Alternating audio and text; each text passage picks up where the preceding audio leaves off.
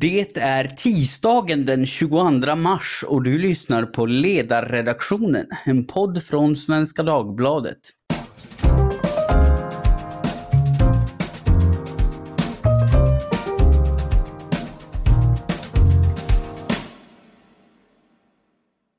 Jag heter Jesper Sandström och idag ska vi titta på ännu en aspekt av det fruktansvärda krig som fortsätter att rasa i Ukraina med allt fler civila dödsoffer som följd.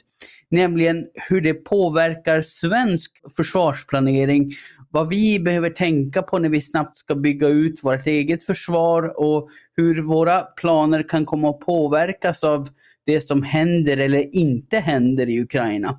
Vad behöver vi göra för att få bästa möjliga valuta för pengarna i våra försvarsinvesteringar och vilka lärdomar kan vi dra av kriget i Ukraina? Med mig för att reda ut allt det här på ungefär en halvtimme har jag ingen mindre än Oskar Jonsson, vida bekant Rysslandskännare, doktor i krigsvetenskap och forskare vid Försvarshögskolan. Hej Oskar! Hej Jesper! Trevligt att ha dig här. Om man ska börja med en kort bakgrund. Hur ser den militära situationen ut i Ukraina just nu? I, I, krigets början så pratade ju många initierade bedömare om en snar rysk seger som närmast ofrånkomlig, men så har det ju verkligen inte blivit. Hur skulle du beskriva läget just nu för den som kanske inte är superinsatt? Men det som har hänt nu på, eh, sedan Ryssland bestämde sig för att invadera Ukraina är eh, dels att den ryska sidan, först av allt det viktigaste, de tog ett, det här enormt signifikanta beslutet eh, och under loppet av det här kriget så har man eh, egentligen eh, använt ett par olika strategier. De första dagarna verkade några form av räder där man förväntade sig, och förhoppade sig att Ukraina skulle egentligen falla ihop som något form av, av korthus. Eh, och därefter kom mer av en operativ paus, en omgruppering och mer metodiskt uppträdande. Eh, generellt kan man säga att eh, det står ganska stilla just nu. Ryssland har gjort sina initiala Ehm, de har tagit ganska mycket ukrainskt territorium, eh, framförallt söderut, en del österut och kört sig fast ganska exakt vid, vid Kiev. Ehm, det som är väldigt viktigt att ha i åtanke nu ehm, är att Ryssland tar mer mark för varje dag som går och för varje kvadratmeter som Ryssland tar eh, så kan det vara någonting som Ukraina eh, tappar för alltid.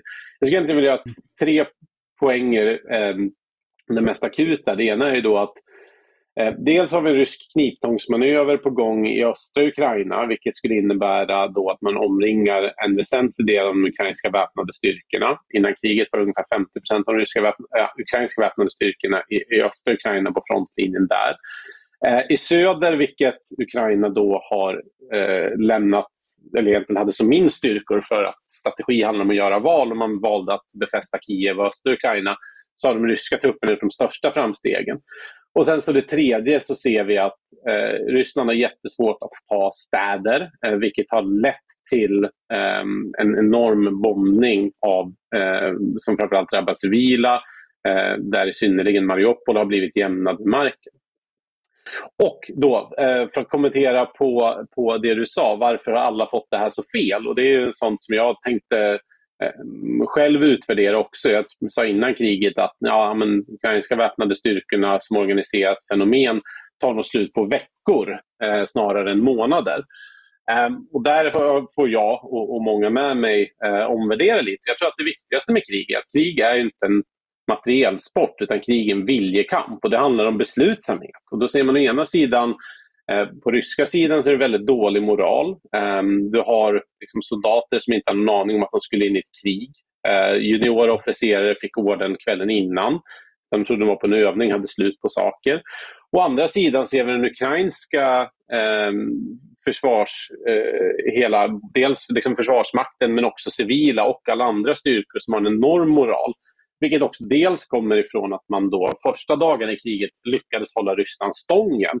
Eh, och så såg man eh, väldigt mycket stöd från väst så att man har fått en, en, en moralboost där. Och jag tror att Nej, tittar man på pappret eh, så borde de ryska väpnade styrkorna ha eh, besegrat eh, Ukraina ganska snabbt. Men som en god kollega alltid påpekar så, så slåss inte Excel-ark utan det är människor.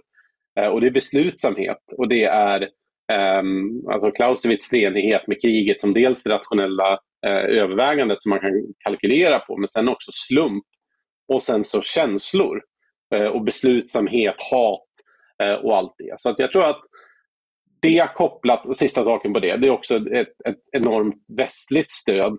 Inte med trupp, men militärmateriel. Sen finns det rapporter om USA då som delar eh, realtidsunderrättelser med den ukrainska militära ledningen vilket gör att de till exempel kan närma sig ryska kolonner med luftvärn när man vet att de har sina sensorer avstängda och sen slå mot dem med relativt enkla drönare. Och det sista som också har framkommit i media att CIA har under år eh, tränat eh, ukrainska paramilitära förband och specialförband för att genomföra den typen av eh, operationer som vi ser mot ryska för, försörjningskedjor. Så att, och det är sådana saker svåra att, att veta på förhand.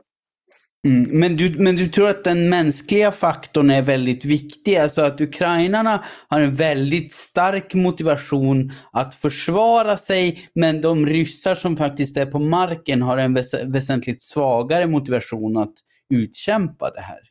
Absolut, jag tror att, eh, och det har vi sett. Vi har ju sett eh, ryska förband som lämnar liksom fullt fungerande materiel och, och kapitulerar. Och jag tror att det är alltså, gemene ryss hatar inte Ukraina. Tvärtom så ser man det som ett brödrafolk. Man har kusiner, släktingar, åkt på resor till Ukraina. Um, och att, eh, och att liksom då egentligen börja, börja döda ett brödrafolk tror jag är långt mycket svårare än för den ukrainska sidan där man känner att sitt eget land har blivit invaderat och sin egen liksom, frihet står på spel i det här. Eh, det är sina egna liksom, familjer som blir bombade och så. Så att, eh, absolut så kommer det vara en skillnad i beslutsamhet där. Och i nästa steg då, vad betyder det här för svensk försvarsplanering? För det kommer ju ibland upp sådana här kartor där man ser, det har gjorts eh, undersökningar av hur villiga folk är att gå ut och försvara sitt land i krig. Och där brukar det vara en ganska liten andel av eh, den svenska befolkningen som säger sig ha en sån vilja. Men, men det kanske är svårt att tala om i, i, i ett land som så att säga har befunnit sig väldigt långt från krig. Det kan väl vara så att det skulle vara annorlunda i skarpt läge, men vet vi någonting om det? Hur, hur det ser ut med motivationen i Sverige? Mm. Nej men det är som du säger, alltså, och, och, det som Ukraina visar är att det är ju faktiskt beslutsamheten och försvarsviljan som är, som är det viktigaste, som är avgörande. Har man inte det kan det vara världens bästa materiel ge upp. Men nej, alltså, jag, jag har sett andra undersökningar som visar tvärtom. Att, att Sverige har faktiskt högre uttalad försvarsvilja än Ukraina och andra ställen när man frågar folket är du villig att försvara ditt land med vapen. Där slår vi internationellt ganska högt. Sen så finns det ju eh, den här, eh, det finns ju en sån här samtids eh, kritik eh, som man ser framförallt på liksom i, i eh, vad heter det, åsiktsproducerande sidor i nyheterna. Lite så här, ja, ja, men ska den här TikTok-generationen kunna klara av det här? Um, men samtidigt ser vi att Försvarsmakten hade öppen dag och så dök det upp 100 000 pers på Gärdet för att visa sig. Men det hela kokar ner i, det här är ju någonting abstrakt. Det går ju att försöka uppskatta försvarsvilja innan kriget och det kommer ju alltid vara felaktigt. För att eh, någonstans är det ju väldigt mycket enklare att säga jag kommer försvara mitt land eller jag kommer inte försvara mitt land. Eh, men när man väl kommer dit eh, så kommer ens kalkyl se helt annorlunda. Och det, och det går åt båda hållen. Det är många som säger nej, nej jag skulle sätta mig på ett plan till Spanien. Men sen så, så här, ja men om, om det kommer en robot i, liksom, och, och dödar en släktingar, ja då kommer också Clausewitz känsloaspekt in i kriget. Eh, hat eh, till exempel vara drivande. Så att, just försvarsviljan går inte att uppskatta eh, på förhand riktigt utan det, det kommer när kriget kommer. Mm. Och, och, finns det någonting man kan göra, alltså någon, någon åtgärd, kommunikativ åtgärd eller så man kan sätta in för att stärka försvarsviljan i ett, i ett land, eh, även innan det blir skarpt läge så att säga? Mm. Jo men det, det finns det, det finns massor och det, och det är ju framförallt totalförsvarsmyndigheternas ansvar att, att kommunicera dels för egna anställda och dels för berörda att Ehm, nej men vi gör det här av en anledning, det här är viktigt. Och jag tycker det finns en reklamfilm från, norsk, från Norge som jag rekommenderar alla som heter Ta icke grundla, grundlagen för given. Där man liksom juxtaposerar bilder från här är downtown Oslo under naziockupationen, här är det idag. Och att man förklarar att ja, men friheten är inte given utan det kan komma en punkt då man måste försvara den. Så att man också ser, ja, men återigen för, för exempel från Ukraina, att där vet ukrainarna att i östra Ukraina har det skett tortyr, försvinnanden, förtryck. Och då vet de att ja, men om ryssarna tar det här territoriet, ja då är det det som är att vänta. Eh, och Det kan också stärka försvarsviljan. Att, att, för det finns också ett narrativ som säger ja, men borde inte Ukraina bara ge upp? Eh, det är så mycket liksom, civilt lidande. Ja, men då vet man att ja, det kommer bli enormt civilt lidande och förtryck om man ger upp också. Jag tänkte också ta upp norska försvarsmakten faktiskt, för de, de, har ju en film där de pratar om liksom, varför satsar vi så mycket på försvaret? Vad, vad är det vi vill ska hända? Varför tar vi liksom våra bästa och smartaste unga människor och släpar ut dem i skogen?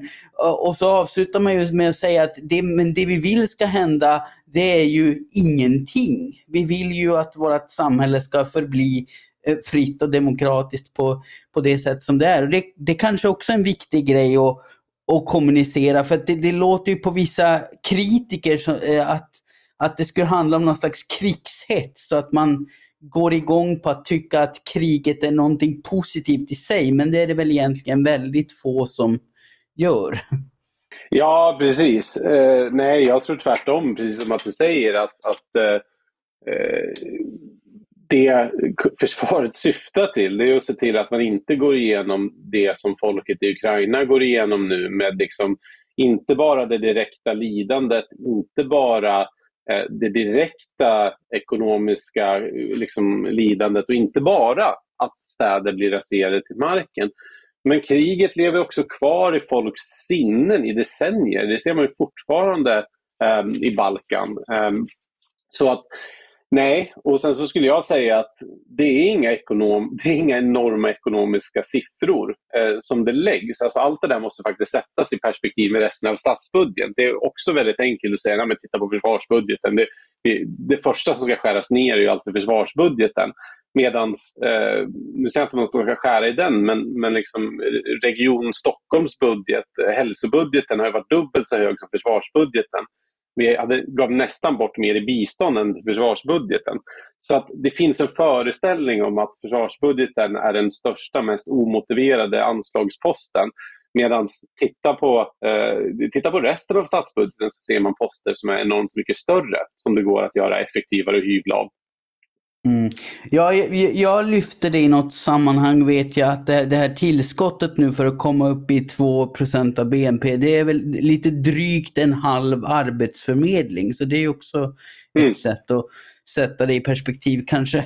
Men, men det då om, om försvarsvilja och, och försvarets roll så att säga. Men finns det något rent praktiskt vi kan lära oss av kriget i Ukraina så här långt för, för hur vi ska planera våra försvarsinvesteringar? Ja, men det gör det. Och, och, och, och först ska jag börja med en teoretisk, sen kommer jag till det praktiska. Men det teoretiska är ju också att den ryska ledningen har ju visat att man är enormt beredd att använda militärt våld, även om kostnaden är enorm. Så många av de saker vi har hoppats på ska verka återhållande, till exempel sanktioner eller internationell isolation. De har ju Ryssland gått igenom nu, så saker som vi skulle kunna hota med eh, minskar ju egentligen, eller saker som vi har hängt våran, våran hoppas-doktrin på. Mm. Eh, det är väldigt tidiga dagar i kriget eh, och vi vill också varna lyssnarna om att det finns ju en urvalsproblematik med det vi ser och det vi inte ser. Vi ser allt som Ryssland är dåligt och, och vi ser allt som Ukraina är bra men vi ser inte det Ukraina är dåligt och vi ser inte det Ryssland är bra. Så vi, ska, vi kan inte heller dra för stora slutsatser eh, av hur kriget har gått hittills och där får man också påtala att så som Ryssland har krigat mycket hittills, det är inte ens så som den ryska generalstaben har tänkt att de ska kriga och det är inte så man har övat att de ska kriga utan det har varit ganska lösryckta delar eh, av olika anledningar. Vi kan komma till det. Men jag tror att det, mm. de slutsatserna vi kan dra för svensk del det är eh, dels att eh, det är väldigt viktigt med luftvärn. Eh, ett integrerat luftvärn kommer man ganska långt med. Eh, det är väldigt viktigt att se till att kritiska funktioner eh, överlever en förbekämpningsfas. Eh, det är de här, nu har vi Ryssland skjutit ungefär 1100 kryssningsrobotar vi har sett. Det gör att det är det flesta antal kryssningsrobotar som har skjutits. Jag tror det var 800 i Irak. Ehm, men ändå har man inte lyckats slå ut Ukrainas luftförsvar. Ehm, och jag tror att dels finns det, och sen finns det framförallt allt Eh, en, en viktig lärdom och det handlar ju om, om uthållighet. Um, om vi ser liksom, eh, krig slutar inte på tre dagar utan det måste finnas dels en hög beredskap, sen behöver det också finnas en förmåga att verka eh, i månader.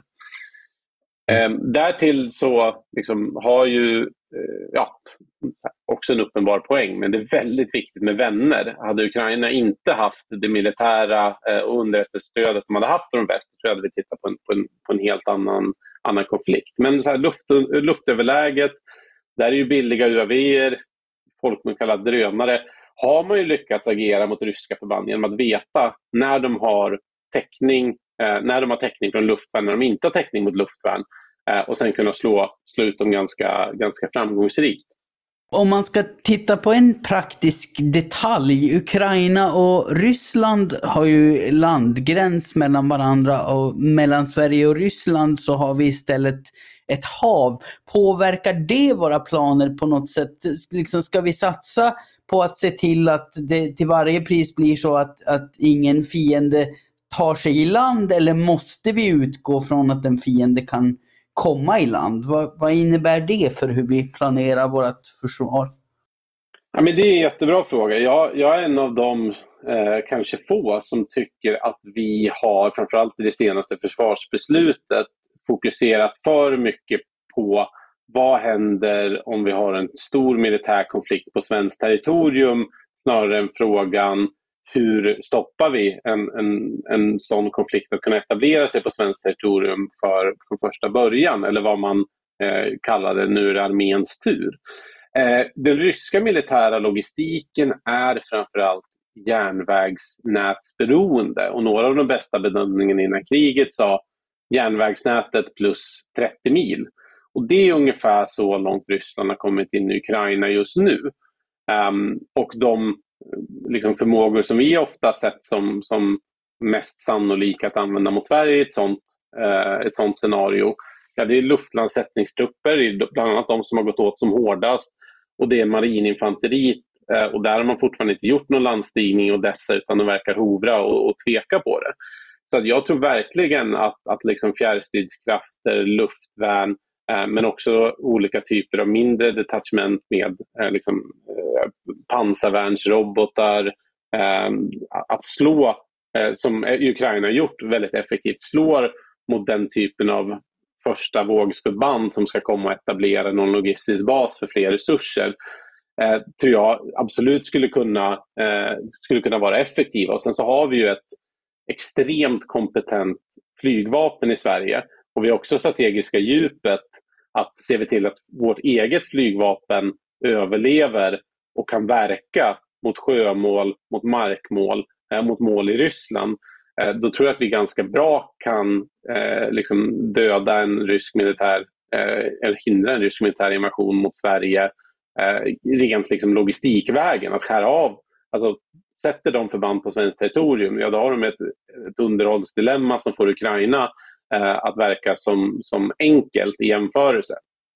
Ja, men, men du sa här i början av ditt resonemang att, att, att du, du är en av få som fokuserar lite mer på fjärrstridskrafter och andra pratar mer om vad vi behöver göra om vi får en, en väldigt stor fiendenärvaro på svensk mark de, de andra som gör en annorlunda bedömning, kan du säga något vad de baserar den på? Varför landar ni olika? Liksom? Jag, jag tror den baseras på ett par olika saker. Först av den så är ju ändå vår uttalade säkerhetspolitik att vara militärt alliansfri. Även om det finns tydliga skrivningar om att vi har solidarisk säkerhetspolitik och vi hoppas att andra ska komma och hjälpa oss så måste man ju någonstans ur planerings hänsyn, eh, förbereda sig också för att vara militärt alliansfri. Och då är frågan, ja men hur bekämpar vi kriget själva? helt själva, ja men då, eh, då blir det någonting liknande det Ukraina genomför nu. Alltså eh, någon form av vad Försvarsmakten rakt ut skriver, undvika att förlora. Att egentligen hålla stången så mycket det går och hoppas att det kostar så mycket politiskt att, att en upphör. Och det andra, eh, och det håller jag med om helt, det handlar ju om att ehm, att armén har varit i dåligt skick. Att man tittar mer på bristerna i liksom befintlig organisation och vill förstärka dem eh, snarare än, eh, än så här, vad är det för, vad är för, eh, liksom, vad är för åtgärder här? Och sen det tredje är ju faktiskt rent liksom regional och, och, och regionalpolitiskt och politiskt. Och det handlar ju om att Eh, det smäller alltid högre att öppna ett nytt regemente i Sollefteå och, bygga upp en bygd och anställa en massa folk snarare än att eh, liksom förstärka basskyddet för våra liksom, stridsflygflottiljer. Eh, så att för den politiska nivån, ehm, och här är, här är grundproblemet som du, som, som du var inne på, att för den politiska nivån så måste man också sälja någonting konkret. Utan produkten du får av försvarspolitiken, det vill säga militär säkerhet, den är extremt abstrakt och den känner du ju aldrig att du inte har förrän det tillfället du verkligen känner att du inte har det. Medan funkar inte sjukvårdspolitiken, då kommer ju alla känna av det, eller liksom sin bror och kusin och svåger. Eh, och då kommer man prata om det, så kommer det bli ett politiskt tryck. Medan försvarspolitiken har du inte den direkta feedbacken och därför tror jag att den är mer känslig för att eh, utsättas för andra intressen än de strikt militära intressena. Så jag tror att det ligger lite i, i de olika delarna så. Mm, vi, ska, vi ska komma in lite på det där med att, att satsa på rätt saker så att säga, inte bara satsa hej vilt. Men eh, många säger ju att en orsak till att eh, ryssarna haft så svårt att ta sig fram i Ukraina är liksom brister i grundläggande logistik, oförberedd och misslyckad logistik. Man, man får eh, punktering på sina, i sina transportkonvojer och sådär. Är, är det någonting eh, vi kan lära oss där i svensk eh, försvarsplanering? Verkligen. Och där är ju det gamla uttrycket att eh, liksom, amatörerna pratar strategi och proffsen pratar logistik har ju aldrig varit mer passande än det vi ser nu. Um, och jag tror att de ryska logistiska problemen är, är, en faktor av många saker. Jag tror att det ena är framförallt återigen inte förberedelserna utan att um, man trodde man skulle på övning, man, man åt upp sina rations, man tog inte med sig några pengar. Uh, och det tog säkert längre tid än man trodde. Om vi liksom, spolar tillbaka till den New York Times-artikeln 5 december så pratar man om slutet av januari. Det finns uppgifter på att Xi bad Putin att vänta till efter OS. Um, och så. Alltså det kan vara ganska utmattade trupper som liksom har levt i fältomständigheter ganska länge som man ens började med det här med. Och sen så punkteringarna som du nämner. Eh, ja, många av de här fordonen ska ha underhåll varje månad men om du parkerar dem där under våren och så står de i 10-11 månader utan något som helst underhåll, um, ja då, då kan däcken falla samman. Um, så att jag tror att, eh, jag tror att eh, krig är alltid svårare i praktiken än i teorin. Om vi återigen får gå till Clausewitz så, så liksom allt är enkelt i krig men även det enklaste är svårt. Um, så att jag tror att eh, nej, det har varit dåligt utfört men jag tror inte vi heller ska förvänta oss att det alltid kommer vara så. Och sen det sistnämnda, det var ju Försvarsmaktens svar då till politiken när de listade vad de behöver akut så var ju liksom logistik, underhåll, reparation en av de delarna det är inte så sexigt att satsa pengar på att vi ska förbättra våra reparationskedjor. Men eh, man kan också säga så här att funkar de inte så är det ju väldigt, väldigt dåligt. Så att det där tror jag man ska lyssna på Försvarsmakten också.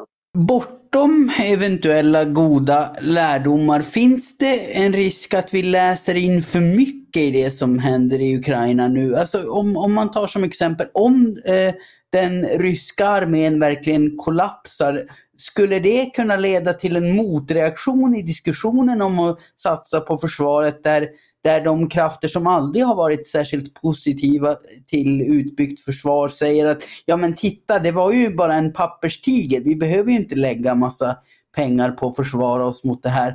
Och, och hur bemöter man i så fall sådana argument? Det, det, är en fantastisk eh, fråga. Och, eh, alltså jag är ju tillräckligt gammal eh, så att jag har varit med och, och liksom slagits mot bilden av det senaste kriget hela min karriär. Och det, så här, börja med Georgieninvasionen 2008. Ryska väpnade styrkorna är väldigt dåligt ifrån sig. Och hela Rysslandsdebatten efter det handlar om hur dåliga de ryska väpnade styrkorna är. Då missar man ju också att ryska väpnade styrkorna uppnådde sitt politiska mål som är ju faktiskt det viktiga här. Man tog och besatte delar av Georgien och såg handgripligen till att de aldrig skulle kunna bli NATO-medlem. Eh, efter Ukraina 2014 så var allt fokus på, på så kallad hybridkrigföring och, hur, eh, och andra liksom, mörka konster som Ryssland skulle vara liksom, trolla med fingrarna och sen så, sen så tog de över världen. Eh, och det finns mycket i det, de gör det bra och så vidare men det fick ju så mycket fokus att vi tittade mindre på rysk konventionella militära operationer. Och nu eh, så ser vi eh, en storskalig militär invasion som vi inte sett i Europa sedan andra världskriget. Och det finns redan exakt de rösterna som du, eh, som, som du tar upp. Jo, att så här, ja, men det är bara en papperstiger, de är mycket sämre än vad vi tror. Och där vill jag ju säga att eh, återigen, det är jättemycket vi inte ser. Det finns en anledning att eh, västliga militäranalytiker, inklusive mig själv, har sagt att titta vilken förmåga de har. Eh, de har genomfört sådana övningar, de har beväpnat sig på det sättet som har liksom rättfärdigat att de har en stor militär förmåga. Sen så är det brister i applikationen som vi ser nu och, och det kan vi prata om eh, varför. Så att det kommer finnas en enorm eh, risk att vi förbereder oss, modellerar allt utifrån det vi har sett nu. Till exempel att vi liksom, eh, grupperar oss bara i, i liksom jägarstridsförband med pansarvärnsrobotar och, och buret luftvärn. Um, det kanske inte är så dåligt men jag bara ser det framför mig att vi kommer att, eh, vi kommer att få fokusera som analytiker debatten på alla saker, alla felaktiga lärdomar som vi kanske kommer dra. Eh, vi kommer dra bra lärdomar men vi, det kommer också etableras en bild som kommer, um, som kommer vara för stark kring det här. Om man då ska försöka blicka in i framtiden på ett sätt som förstås är vanskligt att göra men, men ändå för tankeexperimentets skull. Om Ryssland nu möter ett nederlag i Ukraina, alltså antingen helt eller delvis, antingen att man faktiskt drivs ut därifrån eller att man som når väldigt liten framgång, man är kvar där och harvar och folk dör i massor och, man, och Putin och gänget kring honom är väldigt missnöjda med det som händer.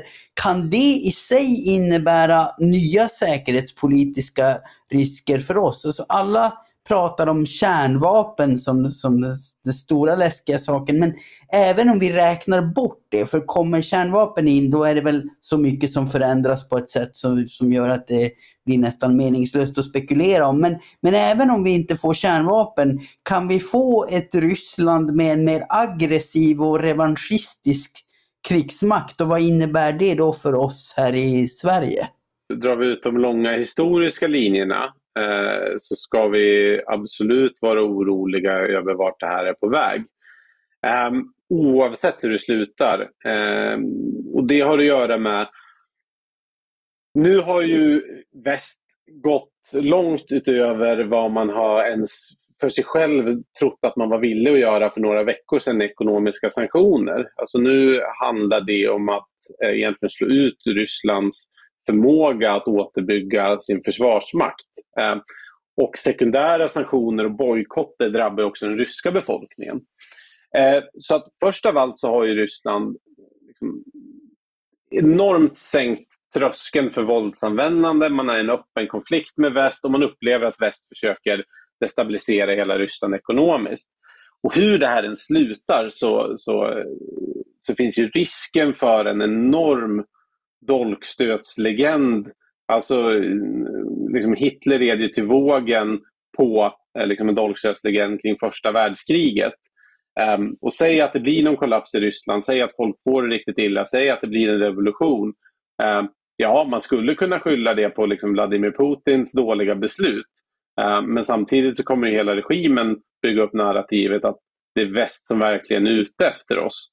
Uh, så att jag tror dels i det direkta så har ju trösklarna sjunkit eh, mot liksom, konflikt, attacker, militära, icke-militära mot västvärlden. Men sen absolut också på lång sikt att de här sanktionerna kan få sån effekt eh, så att det verkligen påverkar Ryssland. Och alla i den nuvarande ryska ledningen eh, kommer ju säga att det här är väst. Det är väst som är ute efter oss. Så att jag skulle säga att på det um, liksom Ryssland mer aggressiv revanschistisk, det måste vi ta som planeringsförutsättning. Inte bara som ett värsta, ett värsta scenario utan det måste vara ett planeringsantagande för vad vi, hur vi agerar framöver.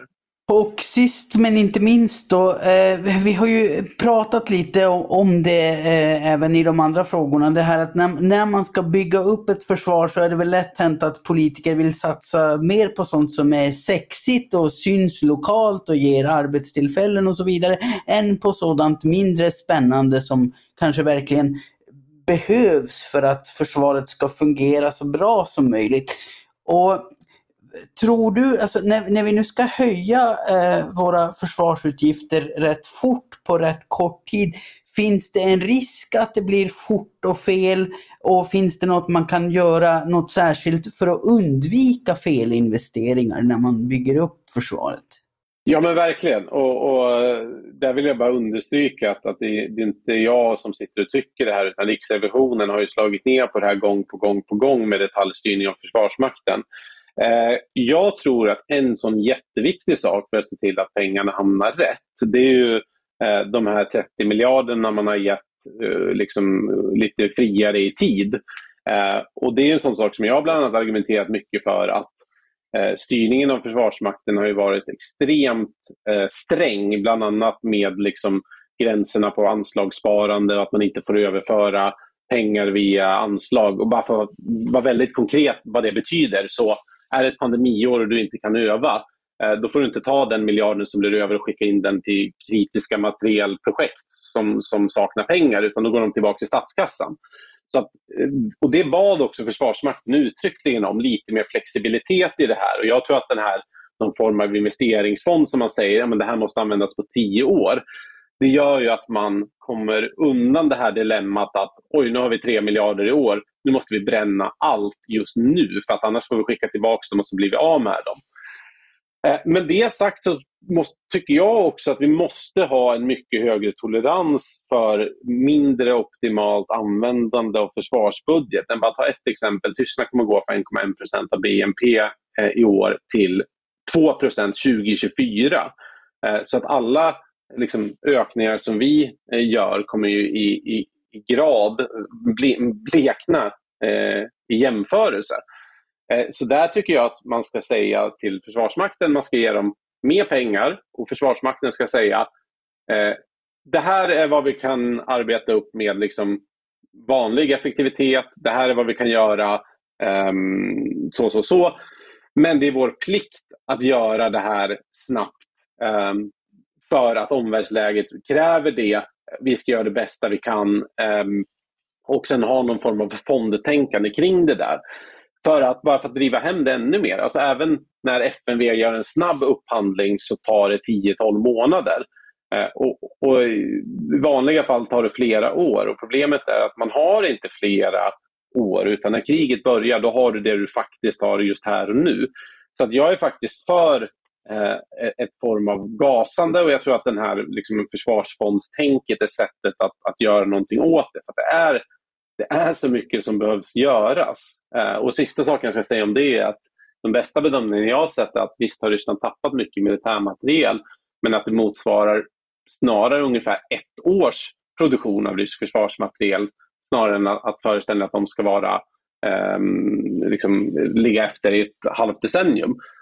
Sen kan det finnas påverkan av halvledare och sådana saker. Men nej, pengarna ska användas rätt. Men jag tycker också att, att eh, från politiskt håll att man ska liksom höja, sätta ambition riktigt högt och säga nu måste vi, nu måste vi gasa. Jag tror att mindre detaljstyrning tror jag är vägen dit. Ja, vi får se hur det går med den saken och eh, hoppas på det bästa. Men nu har våran halvtimme passerat här så att jag får säga tack så mycket till dig, Oskar Jonsson, Rysslandskännare, doktor i krigsvetenskap och forskare vid Försvarshögskolan. Tack! Tack Jesper! Och tack också till alla som har lyssnat. Synpunkter, bu och hurrarop sänder ni enklast till e-postadressen ledarsidan svd.se. Producent det är som vanligt jag, Jesper Sandström och jag hoppas på att få låna era öron och vidga era vyer i något annat ämne alldeles snart igen. Ta hand om er där ute, ge allt stöd ni kan till de som bäst behöver det. Så hoppas vi att vi hörs i en framtid där kriget har tagit slut och där vi har försvar nog att skydda oss om det blåser upp igen. Tack för den här gången och hej då!